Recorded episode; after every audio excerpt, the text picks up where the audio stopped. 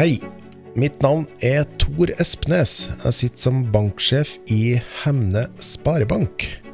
I dag skal vi lage en podkast om historie. Eh, og til det så har jeg invitert med meg Knut Totland, som er nestleder i Hemne historielag. God dag, Knut. God dag, god dag. Jeg er kanskje litt sånn over snittet interessert i historie, og det er jo derfor jeg er interessert i å lage denne podkasten òg. Og jeg tror også det å, å, høre litt om historien bakover i tid er viktig både for bankens kunder og innbyggerne i, Hemne kommune, og også for i nye nå Heim kommune. Du Knut, kan ikke du fortelle meg litt om eh, hva eh, Hemne historielag, hva står det for, hvem er dere, hva jobber dere med? Ja, eh, Hemne historielag ble eh, stifta eh, den 28. april 2014. Da var det mm, på oppfordring fra mannen bak eh, Hemneslekt, Agnar Merkesnes, som, eh, der det var eh, lagt ut et spørsmål om det ikke var på tide å få starta et historielag snart. Eh, Anne-Elisabeth Sinnes tok den oppfordringa og fikk eh, satt eh, i gang en prosess som leda til at Hemne historielag ble stifta. Eh, hun har sittet som leder helt siden oppstarten, og har sittet som nestleder. Eh, vi er nå ca. 200 medlemmer, og har som si, hovedbeskjeftigelse å lage og gi ut årbok som vi kommer med hvert år. Ellers så har vi noen eh, utstillinger og arrangement der vi får vist oss fram litt når vi har anledning til det. da. Sier, du sier 200 medlemmer. Det, dere er sikkert ute etter flere medlemmer også? Ja, det skal det jo ikke, det. Det er klart. Det som er kan jeg si, eh, hovedargumentet vårt for å bli medlem, da, det er at det koster akkurat det samme som ei årbok koster, og da får du årboka som en del av medlemskapet. Dere har jo laga i det siste en del bøker. Jeg har jo sjøl kjøpt dem. Eh, både om Øragata og om andre. Kan du si litt om de bøkene dere har jobba med nå i de siste åra, Knut? Ja, det kan jeg gjøre. Eh, vi starta jo da, som sagt i 2014 og fant ut at eh, noe av det vi ville gjøre, var å gi ut årbok. Da tenkte vi at vi må nå prøve å få til en utgivelse allerede første året. Så for oss et hefte eller ei lita bok eller noe, og så klarte vi jo å sy sammen ei, et ordentlig produkt med ei, ei god bok, syns vi, da. Eh, og så har vi jo fortsatt med det hvert år. Og så fant vi ut eh, det da, at det var jo litt artig å holde på å forske litt på den gammeltida rundt omkring her, at det vekket en del ideer på, på andre områder òg, da. Og så var det sånn at til den årboka 2015 så hadde jeg planlagt å skrive om, eh, om Øragata, og litt om eh, hva er historien til det huset, hva hadde vært i det huset tidligere, og, og hvorfor ser det sånn ut nedpå der? og så fant jeg ut at her var det så mye historie som lå i den lille veistubben her, at det ble til slutt en egen bok. Eh, så da kom eh, Øragatas eh, historie i 2015. Og så har vi drevet og jobba med litt sånn annet prosjekt òg. I 2017 så ble det jo skrevet det som er Holstgårdens historie. Mm. Det er da kan vi si halve Kirksæter, som var Holstgården. Den ble delt i to. Mm. Det er jo den gården der jeg er oppvokst og kommer fra sjøl, så der har jeg jo en egen interesse av å, av å være litt ekstra nysgjerrig. Mm -hmm. og pløye alt jeg kunne finne av kilder da, for å få det så komplett som mulig. Eh, også i 2018, da jeg var året etterpå, da ga vi ut ei bok som vi kalte for eh, Hilsen fra Hevne, der vi trykte opp postkortmotiv. Ja, som vi har samla inn da ifra, hele det som da var Hemne kommune. Mm. Med en del eh, historikk, eh, ikke bare rundt motiver, men òg eh, rundt det med, med posthistorie. Da, at vi har fokusert på det. og det med postkort eh, generelt. Mm. Og så, eh, det samme året, så ble det gitt ut en bok eh, som heter 'Historien om Lommedal Transport'. Mhm. Det var Anne-Elisabeth Sinnes eh, som eh, skrev den. Mm. Og i, eh, i fjor, 2020, så ga vi ut eh, en bok som en Tor Øyvind Slupphaug har skrevet, som eh, heter 'Folk og plasser rundt Søvatnet og Varslevatnet'. Så det er katalogen. Det er ganske mange bøker på forholdsvis få år, da. Mm -hmm. Vi har jo i, i Hemne Sparebank gitt ut to bøker. Eh, vi har gitt ut igjen i forbindelse med 125-årsjubileet, og så har vi lidd ut gjennom banken nå på 150-årsjubileet. Eh, og, og det å komme med eh, i dag, i de, den digitale verden vi lever i, å komme med bøker eh, Vi opplever det fortsatt som veldig positivt, at ikke bare alt ligger på nett. Jeg vet ikke hva dere i Hemne historielag tenker om det? Ja, det gjør vi absolutt. Altså, for ei bok det noe du kan, eh, du kan legge fra deg, og du kan eh, plukke det opp og fortsette der du var. Eh, og du kan ha den stående i hylla til du kommer på at eh, var ikke noen som skrev noe om det der. Mm. At det er noe du kan sjekke opp eh, seinere. Og så føler vi jo litt av der at eh, etter at historielaget begynte å gi ut bøker, så er det eh, på en måte flere som har fulgt litt etter, syns vi. da, At det har skapa en sånn eh, liten eh, vekker om at det, det går jo faktisk an å gi ut bøker. Mhm. Det er ikke noe, det er ikke noe hokus pokus, egentlig. Spennende. Eh, det at du sjøl er født og oppvokst i Holstgården, eh, er det det som er på en måte bakgrunn for din genuine interesse på historie, Knut, eller er det andre ting eh, som har vekt den interessen? Nei, altså, Det er jo helt sikkert noe som ligger latent der, som jeg har arva. Jeg var jo som, som guttunge var jo interessert i det der med slektstavler og skal liksom se øh, aner tilbake til 1700- og 1600-tallet. ikke sant? Så Kjempespennende. -hmm.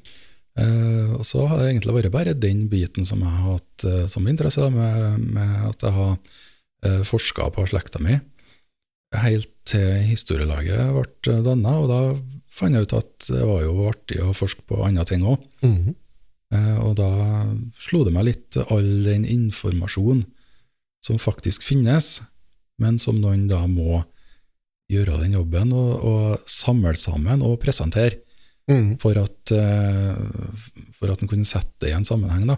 Ja. Og det er jo veldig spennende å arbeide med.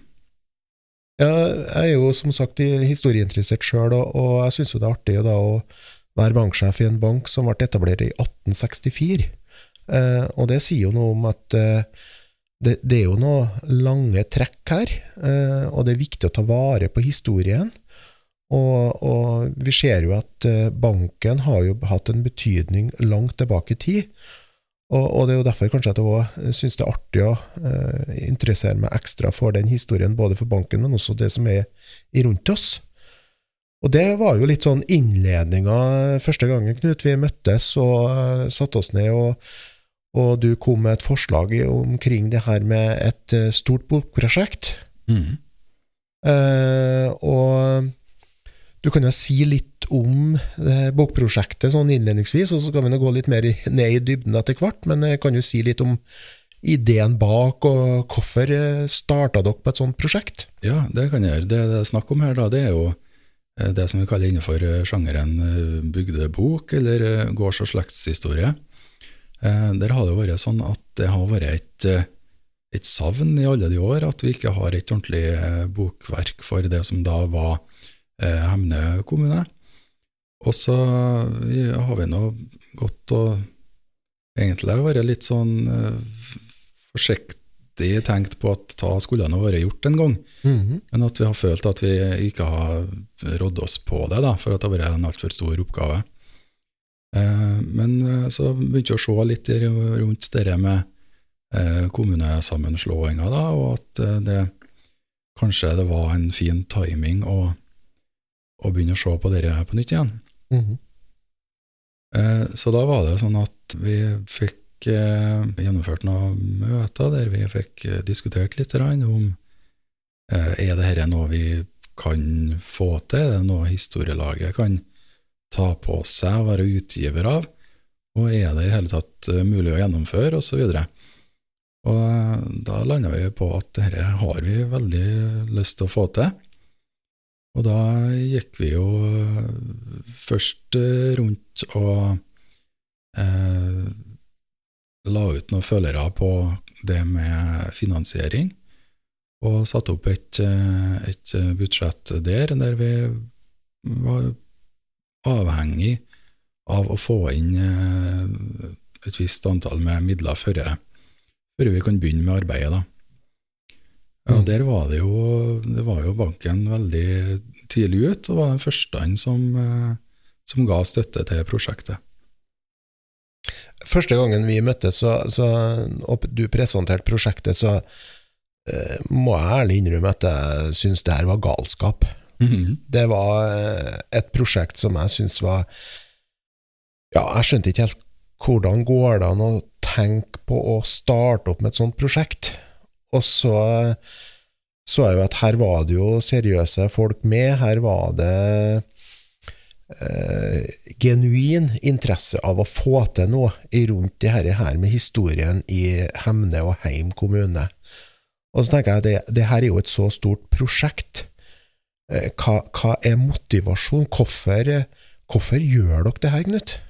Ja, det kan du nå lure på, da. Det er noe Men eh, det er for å, for å gi folk en mulighet da, til å kunne ta ned den boka eller de bøkene fra hylla og lese seg opp på den plassen der de bor på, eller den slekta de eh, Eller forfedrene sine, eller de kan eh, finne ut masse ting de ikke visste om.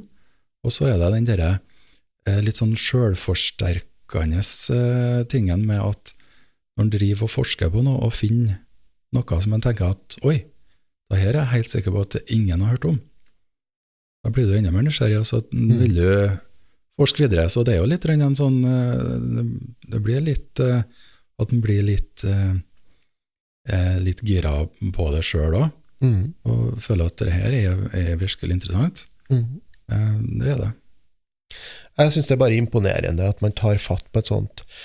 Um, kan du si bare sånn litt innledningsvis om prosjektet? Uh, jeg tenker på hva vi, vi, Når jeg første gangen hørte på det, så var det første som slo meg, var- var de herre bøkene som veldig mange har stående oppi hylla si. Eh, hva heter de bøkene igjen, Knut? Ja, det er den eh, Norges bebyggelse Ja, du tenker riktig. på da. Mm. Norges bebyggelse. Den ja. blåboka som var mm. hjemme til oss. Mm. med Norges bebyggelse, hvor vi, den, eh, den bruker vi jevnt og trutt. Ja. Eh, og, og det er jo litt sånn Det var det som slo meg først. Ja, Men da konsentrert at, om eh, heim, hemne. ja, Ja. det er mange som sier at nei, jeg må slå opp i Bibelen. Ja. For der står det det de lurer på, men uh, det er jo et øyeblikksbilde fra 1954, tror jeg det var. Mm, Uh, og der står det jo da liksom eiendom for eiendom. mm, Uh, litt om husa, og litt om uh, kanskje om krøttere, og, og hvem som eier det. mm, Og veldig, veldig kort sånn som det der. Og det er jo litt det samme med ei sånn, eh, med et bokverk med, med gårds- og slektshistorie, at en tar for seg eh, boplass for boplass, og har en, eh, en fullstendig historikk, da, eller så fullstendig som en klarer å få, mm. eh, for hver enkelt eh, plassen, rett og slett. Når vi snakker om bokprosjektet her, snakker vi om mange bind? Ja, da er det snakk om eh, seks bind. Ja, seks bind, ja. Det er den inndelinga vi har landa på, da, etter å uh, pønsa litt fram og tilbake. Og vi snakker om Heim kommune. Da er det snakk om hele Heim kommune. Ja. Gardene i Alle gardene i Heim kommune. Alle gårder eller alle uh, bruksnummer òg, da. Ja. Gards- og bruksnummer, ja. ja.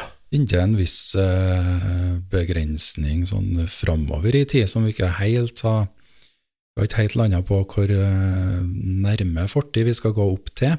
Mhm, Men vi skal i hvert fall få med så langt bakover som vi klarer. mm. på hver plass. Det gjelder både eh, gårder og husmannsplasser og plasser som er borte for lenge siden, og, og nyere ting også. Hvor ligger den gamleste gården i Heim kommune hen? Har dere funnet ut det? Nei, altså, nei, da må man begynne å se litt på navnene, egentlig.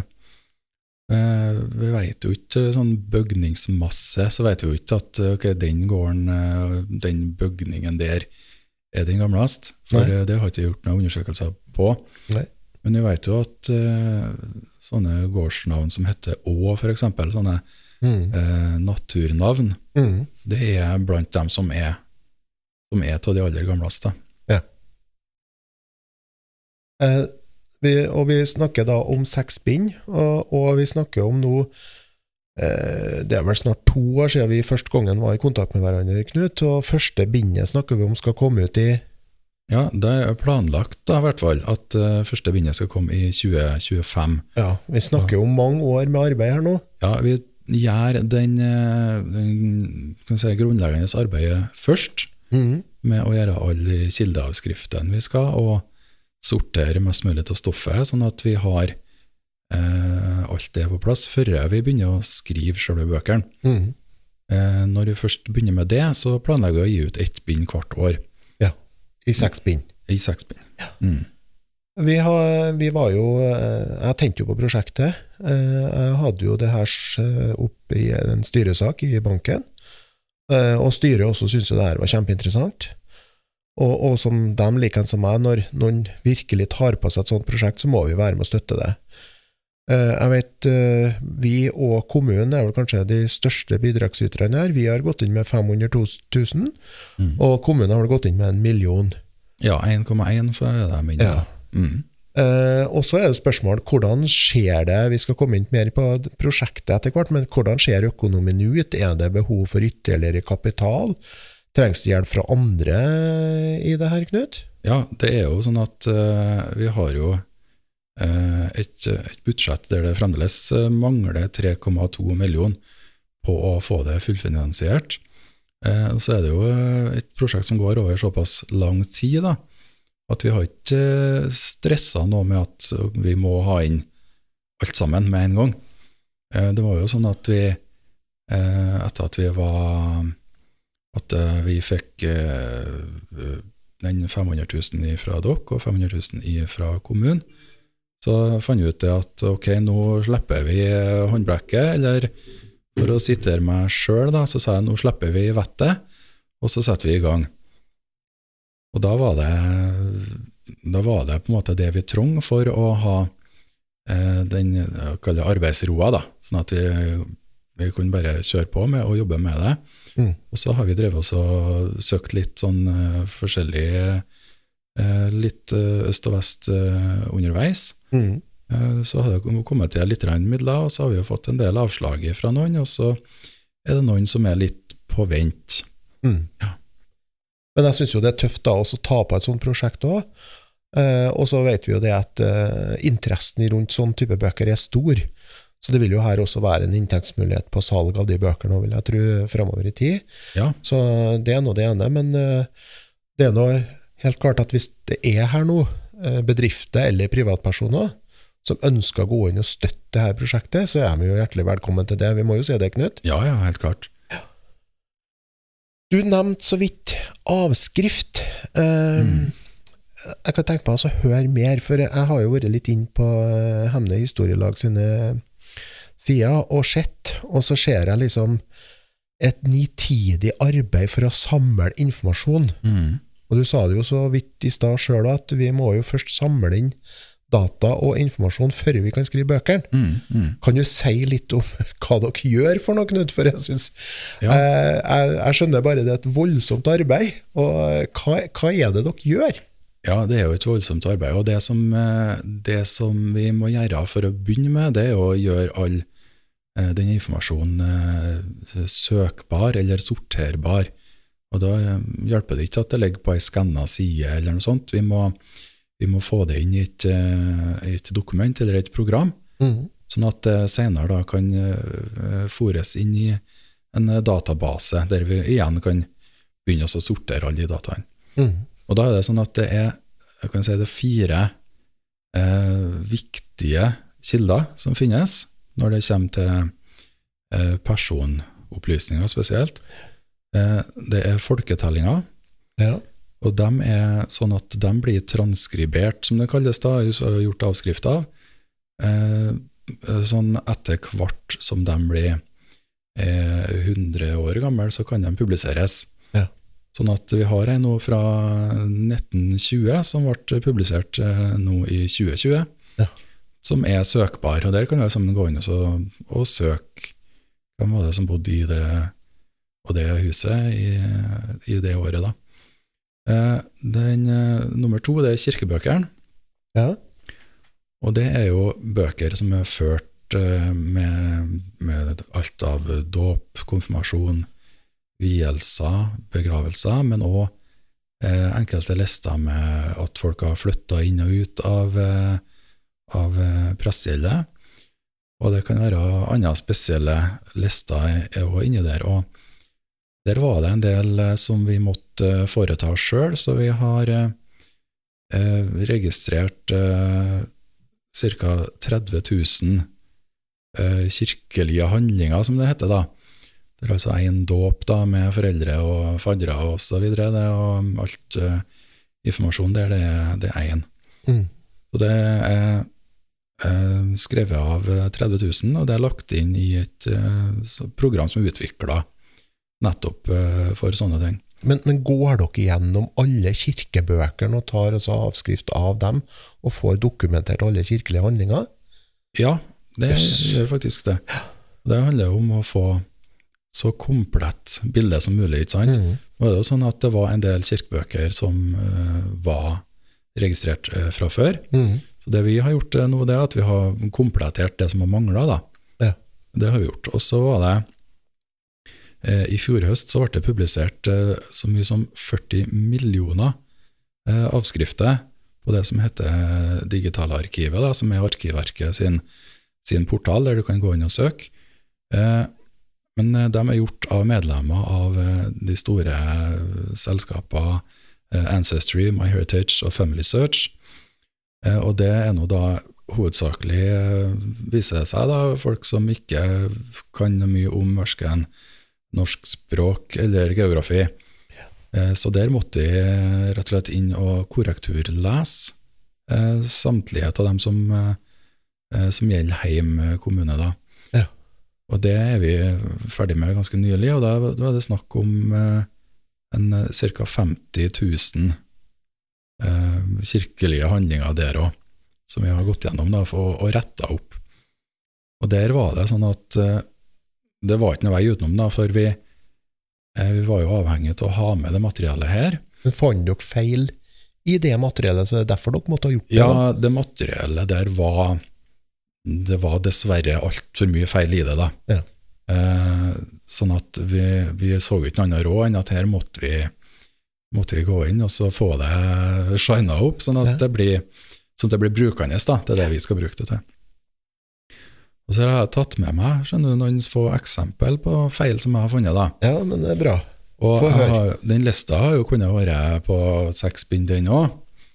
Men jeg har plukka ut noen som der de da har prøvd på å tyde eh, stedet Kirksæter Ja, eller Kirksæterøren. ja. For det er jo ikke så enkelt eh, for eh, folk nå heller, det. Nei. Men når dette da er skrevet på gotisk og prøvd tolka av noen som kanskje sitter i et annet land og aldri har hørt om noen av det her, så kan det komme en del forskjellige forslag. Der har vi annet sånne ting som Kirbiatrøm og Kirkfatorm. Vi har Kilksaerren og Kirkfatorberger. Akkurat. De er jo litt etter deg, hører du. Ja. Men så blir det jo hver og hver, egentlig, da du har Karbatr, du har Hesksæta, så de, de har jo fått inn noe æ og ø her òg, Ja. de eh, skjønner jo det. Og så har du Esterdbu, du har Udsherdker, Fiskerhov, Risbostad, Ravnsborgeie, Ja. eller Stuksalnøne. Alt det her skulle jo være forståelig, da, kan vi si. Og Ja. skjønner nå da at her, her, må vi, her må vi rette opp for at vi kan bruke det. Men, men det ligger jo et, eh, et enormt arbeid i det da, å få ting rett. Ja, Eh, Fordi at, eh, i hvert fall sånn som jeg kjenner Ancestry og My Heritage, er det på en måte en sånn eh, det er en kommersialisert sak. Mm. Eh, mens det dere gjør, er på en måte en helt annet, som går på det å ha det korrekte fakta og data på det som er der. Ja, det er jo sant, men eh, når det er sagt, da, så eh, vi forventer ikke å presentere noe som er feilfritt. For det er jo helt, eh, helt umulig i en sånn sjanger. Ja. Eh, det har med at eh, det kan være eh, folk som heter det samme, men som ikke er de samme personene, Ja. og som faktisk også er like gammel, Ja. det har jeg vært borti, Mm. og bor på samme gården. Mm. For jeg har jo vært borti det at det, er en som, det kan være to som heter Ole Olsen, og de driver hver sin gårdpart, da, for, eksempel, for eksempel av gården Berg. da. Mm. Og da blir det noe litt vanskelig å vite ok, hvem av dem var det som har ei datter som heter Anne. Ja. Ja. Og det takler ikke MyHeritage og, eh, og de andre verktøyene. Nei, det kan det være, da, men det er, noe, det er jo brukerstyrt, da, så det Ja. er nå den brukeren som, eh, som eventuelt går inn da, og, Ja. og gjør de koblingene der. da. Men når du, du nevnte tidligere, Knut, det med hemneslekt. Mm. Dere har jo tatt over ansvaret for hemneslekt, har jeg skjønt. Ja, Hemneslekt er nå overført eh, eierskapet på til Hemne historielag. Det er fremdeles eh, Agnar Merkesnes som eh, driver den, kan vi si, og oppdaterer den. Ja. Det er det, men vi står nå som eiere der. Ja. Mm. Men der er det jo sånn at det er jo eh, Jeg vet jo mange bruker hemneslekt. Det, er det er veldig mange som bruker hemneslekt, og det er mye flere enn vi tror. Ja. Eh, så der er det konstant noen innpå, nesten døgnet rundt. Ja. Hemneslekt er jo en sånn Den er kan bygd opp eh, etter et personfokus, kan du si, da. mhm. Der du kan følge en person og finne foreldre, og du kan finne ektefelle og barn osv. Mm. Mens eh, et sånn, eh, mm, sånn bygdebokverk, da, der er det mer bostedorientert. Mm. Sånn at uh, en kan følge akkurat de samme trådene, Mhm. Men du får plassert folk mm. i tillegg, da. Så det blir på en måte en sånn ekstra, Ja, ekstra var, dimensjon da, til, til den slektsbiten. Mm. for det var det jeg ville fram til, at det er hemneslekt, det er jo mange som tenker på det, men, men der er det jo personene man er opptatt av. Mm. Mens i det bokprosjektet her, så er det jo både personene, men òg eh, de gardene rundt, Mm. og eh, navnene knytta til dem, osv. Så, videre. Mm. så det omfatter jo mye mer. Dere klarer nå å knytte sammen mye mer hva skal jeg si, informasjon inn mot de eh, slektsskalaene bakover i tid, og framover i tid opp til et visst nivå, som du sier. Mm. Eh, du var så vidt innom eh, det her med kirkebøker og sånne ting. Mm. Eh, du er ikke redd for at dere sitter på en del informasjon nå som eh, eh, ikke skulle komme ut? Jo, det, og det gjør vi. Eh, vi setter jo selvfølgelig på informasjon vi ikke kommer til å dele. Eh, og der er det jo der er en sånn eh, rett og slett et, eh, en redaktørfokus vi må ha i tillegg, da. Så det er ingen som trenger å være redd for at de blir bretta ut i, i bøkene. Det er ikke det som er målet. Nei. Men når det kommer såpass langt tilbake at det er på 1700-tallet f.eks., og sånne ting, så er vi jo ikke så redd for å fortelle litt mer sannheten sånn som den var. Mm. For jeg er nå, ikke ute etter å dekke over eh, noe heller, men jeg ønsker å, å, å presentere mest mulig, mest mulig fakta, og så korrekt mulig fakta som mulig. da. Eh, vi har jo vært inne på det, det her med å hente inn informasjon, eh, og, og, og hva liksom er å arbeide med det. Eh, er det noe mer utover det du sier, og hvilke utfordringer er det her nå til å Du sier du skal tyde, du Mm. skal skrive av, mm. men når du vet jo sjøl når du går tilbake i gamle dokumenter, det er ikke bestandig så lett å forstå hva som står der. Nei, jeg nevnte jo kirkebøkene, ikke sant? Og de har jo en viss oppbygning, og der er det, når du kommer i litt, eh, kall det nyere tid, da, at de fikk eh, ferdig opptrykte bøker med kolonner om at eh, fadderne skulle stå der, og navnene skulle stå der, og, og titlene skulle stå der, ikke sant? Men vi har andre kilder, sånn som eksempel eh, arveskifter, Ja. eh, og de har jo en helt annen stil, der er det der er det mer en uh, oppramsing av eh, forhold som er knytta rundt den som er avdød, og eh, arvingene og litt om eiendeler og sånne ting. Og så har det en egen, kan si en egen stil, da, Ja. som, eh, som man begynner å kjenne gjennom at det, det er en del sånn formaliteter som man skal gjennom. Eh, og der, er- der må man rett og slett bare lese seg gjennom, da Mm. for å finne ut eh, og hente ut de opplysningene som, som, er, som er interessante i forhold til dette. Vi har jo bladd gjennom eh, 1800 arveskifter. Ja. Eh, eldste er tilbake til 1676, så det er over stort eh, årsspenn. Og Der har vi henta ut en, eh, 21 000 eh, opplysninger da, om, om personer. Ja. Eh, enten at de er avdøde, eller at de er en eh, arving, eller at de hadde gjeld til boet, eller motsatt, at boet har gjeld til dem. Mhm. Eh, Så der er det veldig mye å hente ut ifra. Så har du også den derre eh, Der er kanskje den aller sikreste kilden, da, når det kommer til eh, at den forteller at ok, herre er ungene til den avdøde. Eh, Herre er kanskje den ene Kanskje eldste sønn er død, så står det hvem barnebarna er, ikke sant? for du skal ha opplest alle arvingene. Og da kunne det jo være alt ifra at det var to unger som fikk eh, alt sammen, Ja. eller så kunne det være, i et annet tilfelle jeg var borti, der var det, det var over 50 slektninger, da. For at vedkommende hadde ikke noen unger sjøl, men ha, eh, og hadde heller ikke søsken med unger Nei. men hadde søskenbarn med unger og barnebarn og oldebarn osv. Der ble det fryktelig med arvinger. Ja. Men da får vi jo òg eh, veldig grei oversikt der, da, over at sånn, Mhm. sånn, eh, sånn var det faktisk. ja. Mm. Men, men det er eh, Og det, det er jo viktig også å si, og tenker jeg, at det her er jo offentlig informasjon. Mm. Dere er jo ikke inne i noen personlige dagbøker og, og snoker. Nei, alt dette her går det an å finne fra kjøkkenbenken. Det er digitalarkivet som er, som er hovedkilden til eh, alt sammen.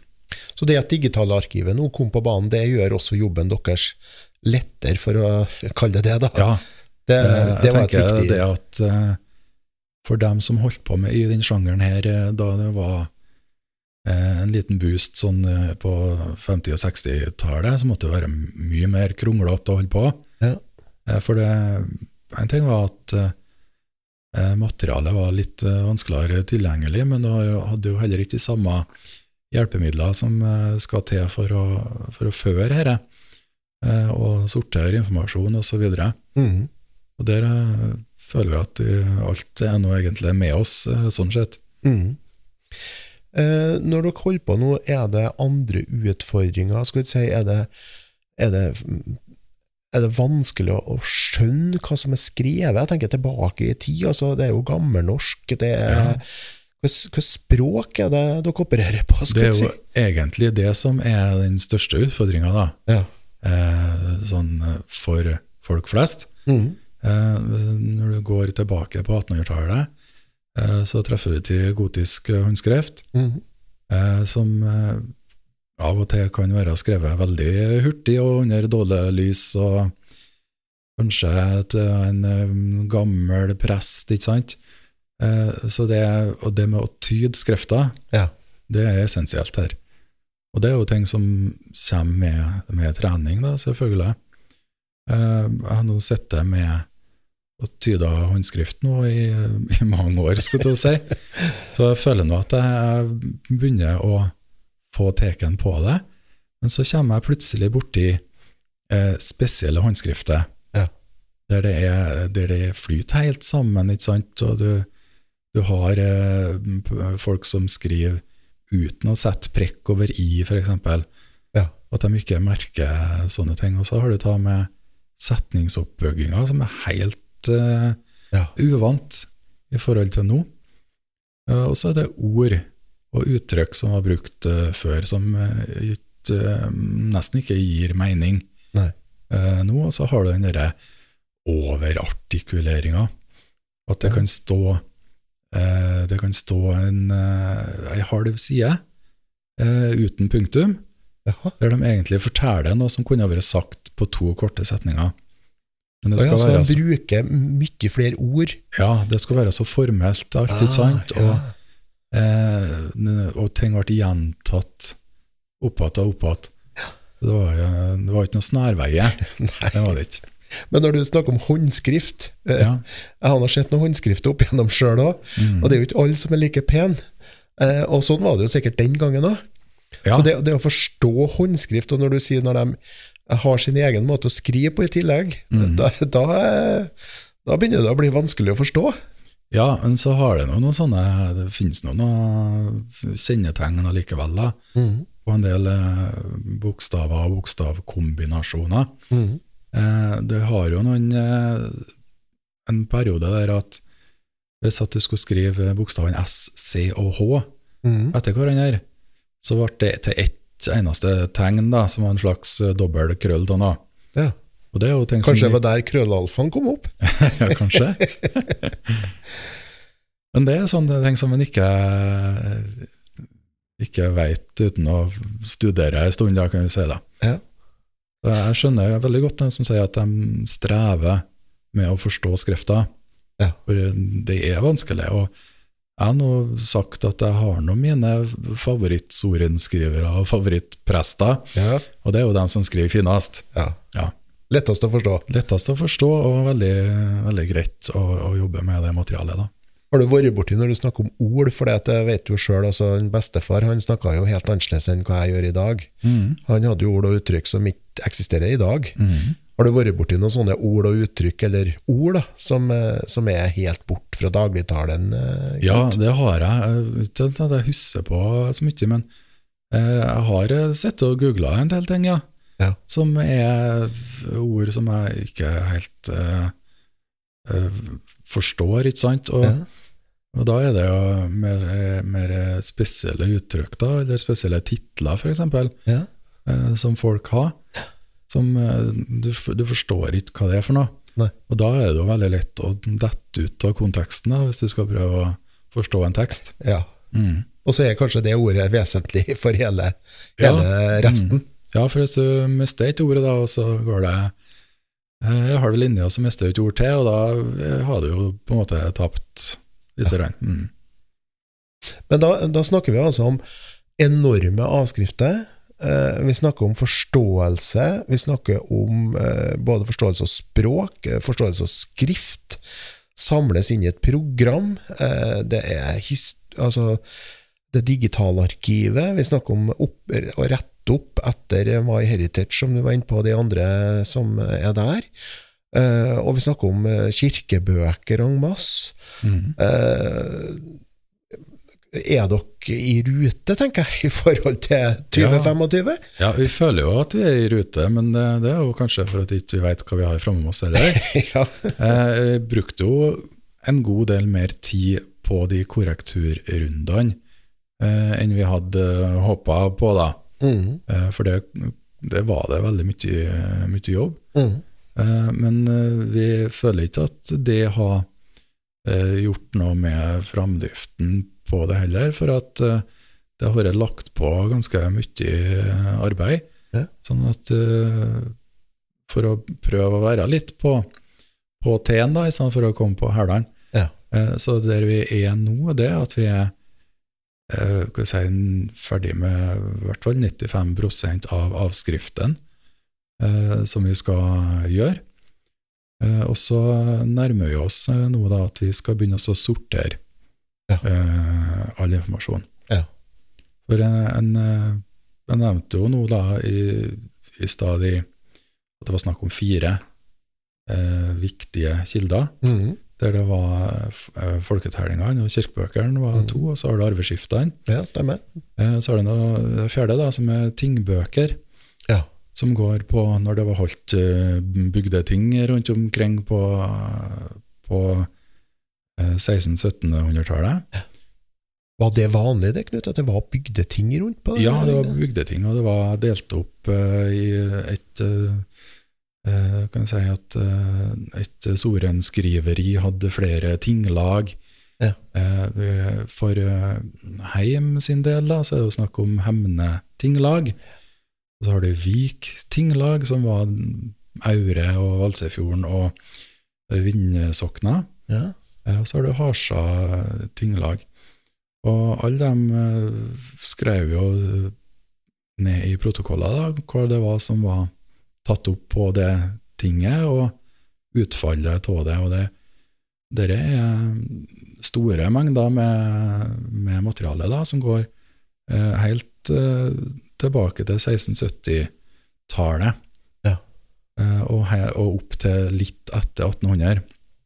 Men møttes de på gala da, for å ta de tinga? Var det Ja, sånn det skjedde? Det var det, og eh, først så var det eh, var det sånn at eh, de tingplassene var veldig eh, variert mye, da, at det flytta mye rundt på seg, at de delte litt på det ansvaret. Ja.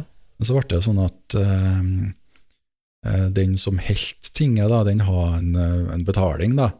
En årlig kompensasjon, kan vi si, for Ja. å for å helle mat og plass åt eh, dem som stimla sammen. Ja. Og for Hemne tinglag for eksempel, så var det veldig lenge at eh, det var helt på Sunde. Oh, ja. For det- der, eh, det var en fast, eh, fast tingplass, da. Ja.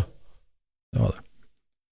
Og det som er gjort i forhold til tingbøkene, da, det er at vi har eh, Der er tatt ut ca. 8000 personopplysninger ifra de bøkene.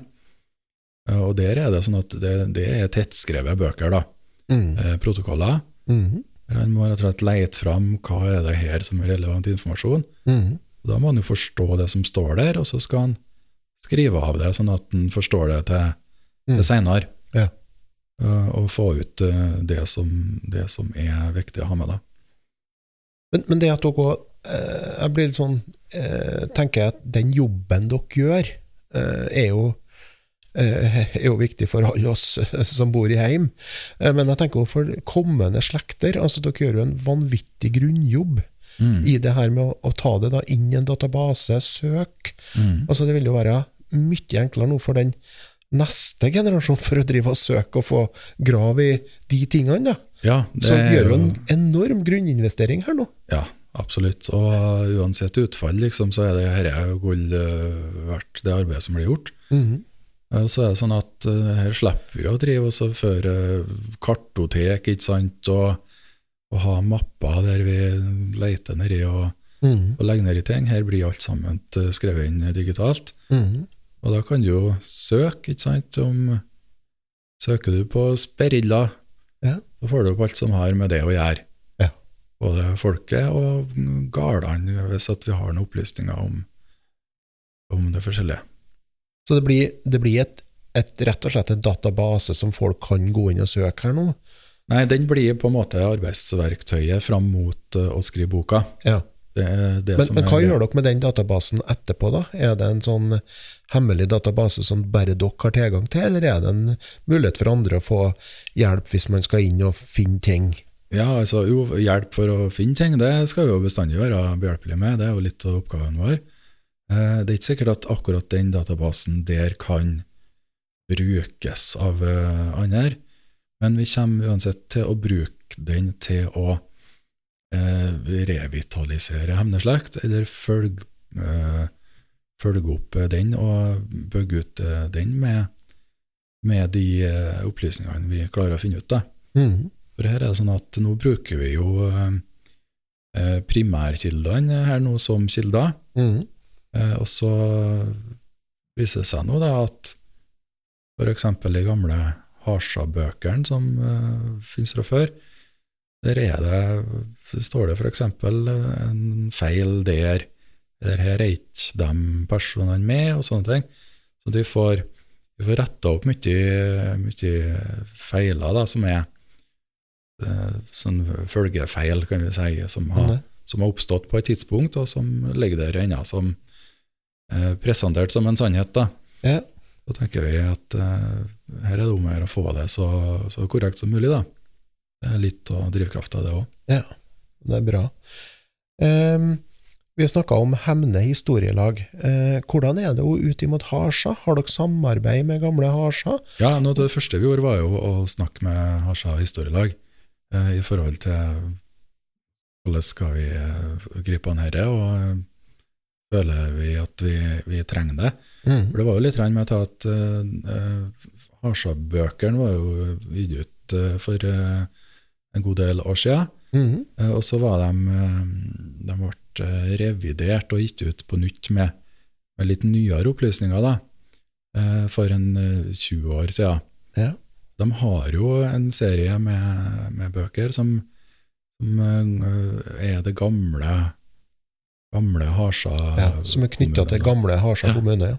Den, den er såpass eh, Det er en del mangler der som gjør at eh, det er ikke noe vanskelig for, eh, for harsaværingene heller å, å se at dette er noe som kan gjøres enda mer eh, komplett og enda mer eh, interessant, kan jeg si, da, med at Ja. du kan finne enda flere ting. Og noe av den største styrken som vi har her nå, det er det som er eh, greid fram fra den tida før kirkebøkene.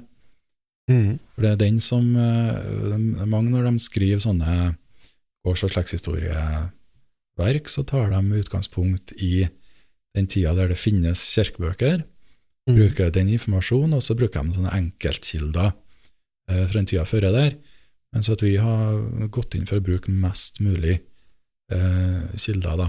Mm. Så vi har jo, og I tillegg til alle som jeg har snakka om nå, så har vi jo eh, gjort mye avskrifter av gamle skattlister eh, og sånne ting. Og helt sånne gamleste vi har funnet som eh, angår, eh, angår heim, det er jo fra først på 1300-tallet.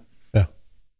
Og så har vi det sånn at eh, fra ca. 1600 og fremover så er det ganske mye liste over diverse skatter Mm. -hmm. som vi har gått inn og så tatt ut eh, derifra. Hvem som betalte, og hvor de bodde hen, og Ja. så videre. Når du sitter tilbake til 1300-tallet, er det når, når er det liksom de gamleste dokumentene du finner som kan knyttes opp imot eh, eh, Hemne-heim-området? Ja, det er jo de diplomsamlingene som de eh, kaller det, da. Eh, det er vel det Jeg har ikke alt det i hodet, men det er noen sånne gårdsopplysninger fra Harsa Ja. som er det aller eh, gamleste skriftlige som vi har. Akkurat. Mm. Så det, da snakker vi langt tilbake i tid. Ja, vi gjør det, altså. Og da, da er det jo si, det, det fra 1300-tallet og sånn, det, er jo- det er oppgaver som er Det er diplomer som er avskrevet fra før. Ja. Eh, og så, men når du kommer på sånn 1430-tallet, så har du jo jordeboka til Aslak Bolt. Ja. For det var jo erkebiskopen som eh, førte lista over det, den, de eiendommen som, Mm. som hørte til erkebiskopen. da. Mm. Eh, Den har vi jo Det finnes det jo avskrift av, men der har vi jo bestemt oss for at ok, vi ser på originalen, for den er tilgjengelig, og så har vi gjort vår egen avskrift derifra. Og da har det jo faktisk dukka opp noen sånne nyanser i tolkninga Mm. som gjør at vi føler at vi har en enda bedre eh, avskrift av det nå da, enn vi har hatt hvis vi bare ha tatt eh, en kopi av det som folk har gjort før. Ja. Så dere er jo hele tida, merker jeg, opptatt av å gå tilbake til originalen, Mm. finne fakta, Mm. eh, og hele tida eh, danne et så godt grunnlag som mulig. Ja. Og så vil det jo sikkert være noen, som du sa litt innledningsvis også, det, ikke, eh, det går ikke an å få det her 100 Så hvis folk oppdager da at det er et eller annet som de mener de er uenige, så får de sikkert ta kontakt òg, Ja og diskutere saken. Ja, ja klart det. For det, det er jo viktig her også å få det så korrekt som mulig fra Mm, alle mm. parter. Det, det her er jo et prosjekt som er for hele Heim kommune. Eh, og det er jo kjempespennende med tanke på at det, det er jo et samlende prosjekt for Mm. den nykommunen vår. Ja. Eh, og så er jo liksom 2025, det er jo enda noen år fram i tid. Mm. Eh, hvordan tenker dere å få markedsført og få, få fortalt om det her, eh, Knut? For det er jo, det er jo et, eh, et litt spesielt eh, prosjekt. Vi kan må vel si det? Ja, nei, vi har jo ikke, har ikke tenkt så langt fram som til lansering ennå, ja, det har vi jo ikke planlagt. Men vi har ei Facebook-gruppe der driver oss og oppdaterer litt underveis, da, og kanskje eh, hvis at det dukker opp noen spørsmål som vi har, som eh, vi tenker at ok, her er det noen som vet, så kan vi spørre der ikke sant, og få tilbakemelding eh, ganske fort på det. Mm.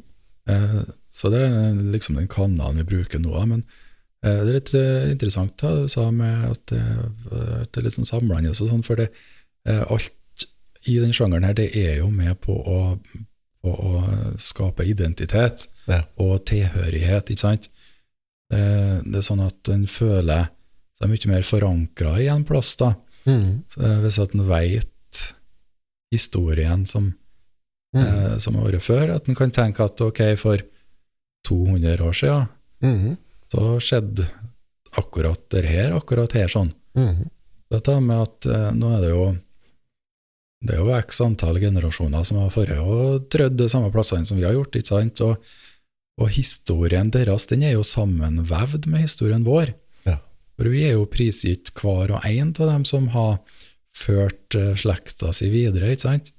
Helt ifra istida og fram til nå. Ja. Så det er det som er så fascinerende, så all den der, all den der tilfeldigheten som har, som har leda fram til nå, da.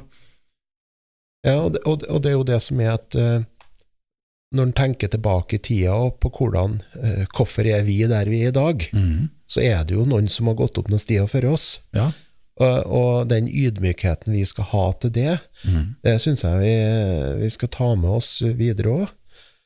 Eh, fordi at eh, Jeg tror nok det var tøffere på Ja. landsbygda før Ja. Enn hva det var nå. Og det merker jo sikkert dere som er nå i, helt inn i dybden og kjernen på historien. Ja, spesielt i forhold til tingbøkene, da, der er vi borti en del skjebner.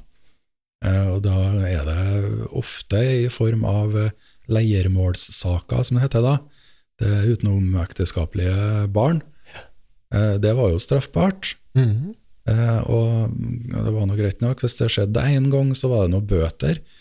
Men det var jo store bøter. Det kunne være tolv riksdaler for en eh, som skulle betales. Og det var nå sikkert tolv års lønne, det, da. Ja. Eh, skjedde det flere ganger, så var det jo enda verre. Og hvis det skjedde tre ganger, da var det, da var det ut på straffarbeid, i det minste. Så da kunne du bli sendt til et fiskevær eller til et tukthus eller hva det nå var, og ungene ble jo taperne. Ja. For de ble jo bortsett, ikke sant? Når dere er inne i sånne kirkebøker, og når dere er inne i liksom uh, tingretter og alt, uh, så vil jeg jo tro det at det er veldig mye mannsnavn. Mm. Uh, det er vel et mindretall av kvinnenavn tilbake i tid. Og, og, og, og jeg har jo tenkt mange ganger på at det var kanskje de tøffeste taka måtte damene stå for, Mm. rundt på gårdene og ellers. Ja, helt klart. Så, så det er jo en sånn tanke her med å få synliggjort på en måte at det, det står mange sterke, både kvinner og menn, Mm. bak den historien vår. Jeg har jo følt at jeg har vært glad hver gang jeg har sett et kvinnfolknavn i et arveoppgjør eller ei tingbok. For det er dem som eh, ikke blir nevnt så ofte. Og det var jo for at det var En ting var jo at det var karene som var eiere, så frem til at ikke det var ei enke Mm. eh, som satt kan si, midlertidig med gården. Da. Hvis at hun gifta seg, så var det jo en nye mann da, som eh, overtok alt som hun og Ag, ikke sant? Ja. Og Det er litt spesielt, men eh, tilbake i 1645 eh, så har vi den første eh, skattlista som nevner både karer og kvinnfolk. Ja. Eh, for da var det noe de kalte for koppskatt. Har ikke noe med kopper å gjøre, men det er det tyske ordet kopf. Ja. Der hvert hode skulle betale en viss andel i skatt. Ja. Og da er det lista opp en del eh, kvinnfolk ved navn, Mm. men så har du jo en del plasser der det står f.eks. Jon Thoresen og Kvinnen. Ja. Så de eh, var litt, ble litt anonymisert, Ja. ofte. Dessverre. Jeg syns vi har vært inne på mange temaer, Knut. Eh, eh, som jeg sa innledningsvis, det, det er jo nesten et prosjekt som eh, er galskap. Eh, det er ekstremt mye jobbing over mange, mange år. Mm. Eh, og, og det er jo ikke noe, det er jo ikke noe å leve av, Knut. Ja, men det, jo da, det kan du si, men det er sånn at eh, jeg ser meg ikke Jeg blir ikke noe redd for noe eh, arbeidsmengde, eller jeg klarer ikke, kan si, jeg bruker å si jeg er for dum til å tenke på det. For det er jo sånn at en må jo bare holde på, for det her er jo noe av det artigste en kan holde på med, tenker jeg. Ja. Så da er det sånn at eh, da legger en inn en ekstra innsats òg. Men du blir ikke størterik? Nei, det kan jo noe sies skulle jeg si, men det er jo, her er jo det arbeidet som blir gjort med dette, er jo lønna arbeid. Ja. Så det er jo sånn at uh, han uh, føler jo at han har noe igjen for det. Mhm. For det han tenker at han har jo ikke orka gjort alt det her gratis uh, heller. Nei. Og så har det litt med å ta med uh, seriøsiteten i prosjektet, og det da egentlig.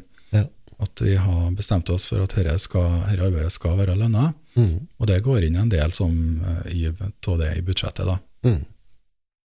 Og det syns jeg er viktig, eh, fordi at eh, det er mye som gjøres på dugnader, men så er det noe som må tas eh, seriøst og ordentlig, og det Mm. gjøres en ekstremt eh, innsats. Mm. Drivkrafta den kommer innenfra, den kommer ikke fra noe budsjett. Det tror jeg vi skal være enige om, eh, Knut, at drivkrafta kommer innenfra. Mm. Det er mm, noen år fram til den første boka kommer. Jeg begynner jo allerede å glede meg, Ja. eh, og det håper jeg at de her lytterne til denne podkasten gjør òg. Mm. begynner å glede seg til først boka kommer i 2025. Eh, er det noe sånn avslutningsvis du vil eh, ta opp, Knut, før vi avslutter? Nei, jeg kan nevne litt da, det med at det første bindet Der skal vi ta for oss gårdene langs Vennastranda, osv. med Sperilla og Holla og Kirksæter. Så det blir en eh, pangstart eh, på bokserien. Mhm. Og da snakker vi om eh, eh, det, Vi er nesten tilbake til vikingtida. Ja, altså Vi kommer jo til å ta med en del ting som er ja, lenger tilbake i forhold til funn som er gjort, og sånn, og trekke opp noen tråder. Ja. Men det er jo først og fremst den der skriftlige perioden med kilder Ja. Eh, som vi skal pløye ordentlig gjennom. da. Ja.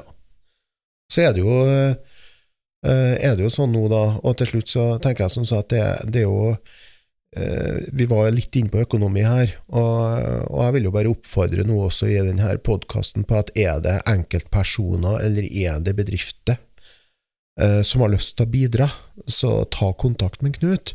Fordi at her er et vanvittig nyttig arbeid som gjøres med tanke på historien. Eh, og jeg bruker å si at du må vite hvor den kom ifra, for å vite hvor den skal hen. Og det tror jeg eh, dere gjør en veldig god jobb til å finne ut hvor vi kom ifra. Ja. Mm. Så ta nå kontakt med Knut, og så Vi begynner å nærme oss eh, jul òg, Knut, så jeg tenker vi skal ønske alle sammen ei riktig god jul. Og så ønsker jeg dere virkelig lykke til med arbeidet videre. Ja, Tusen takk.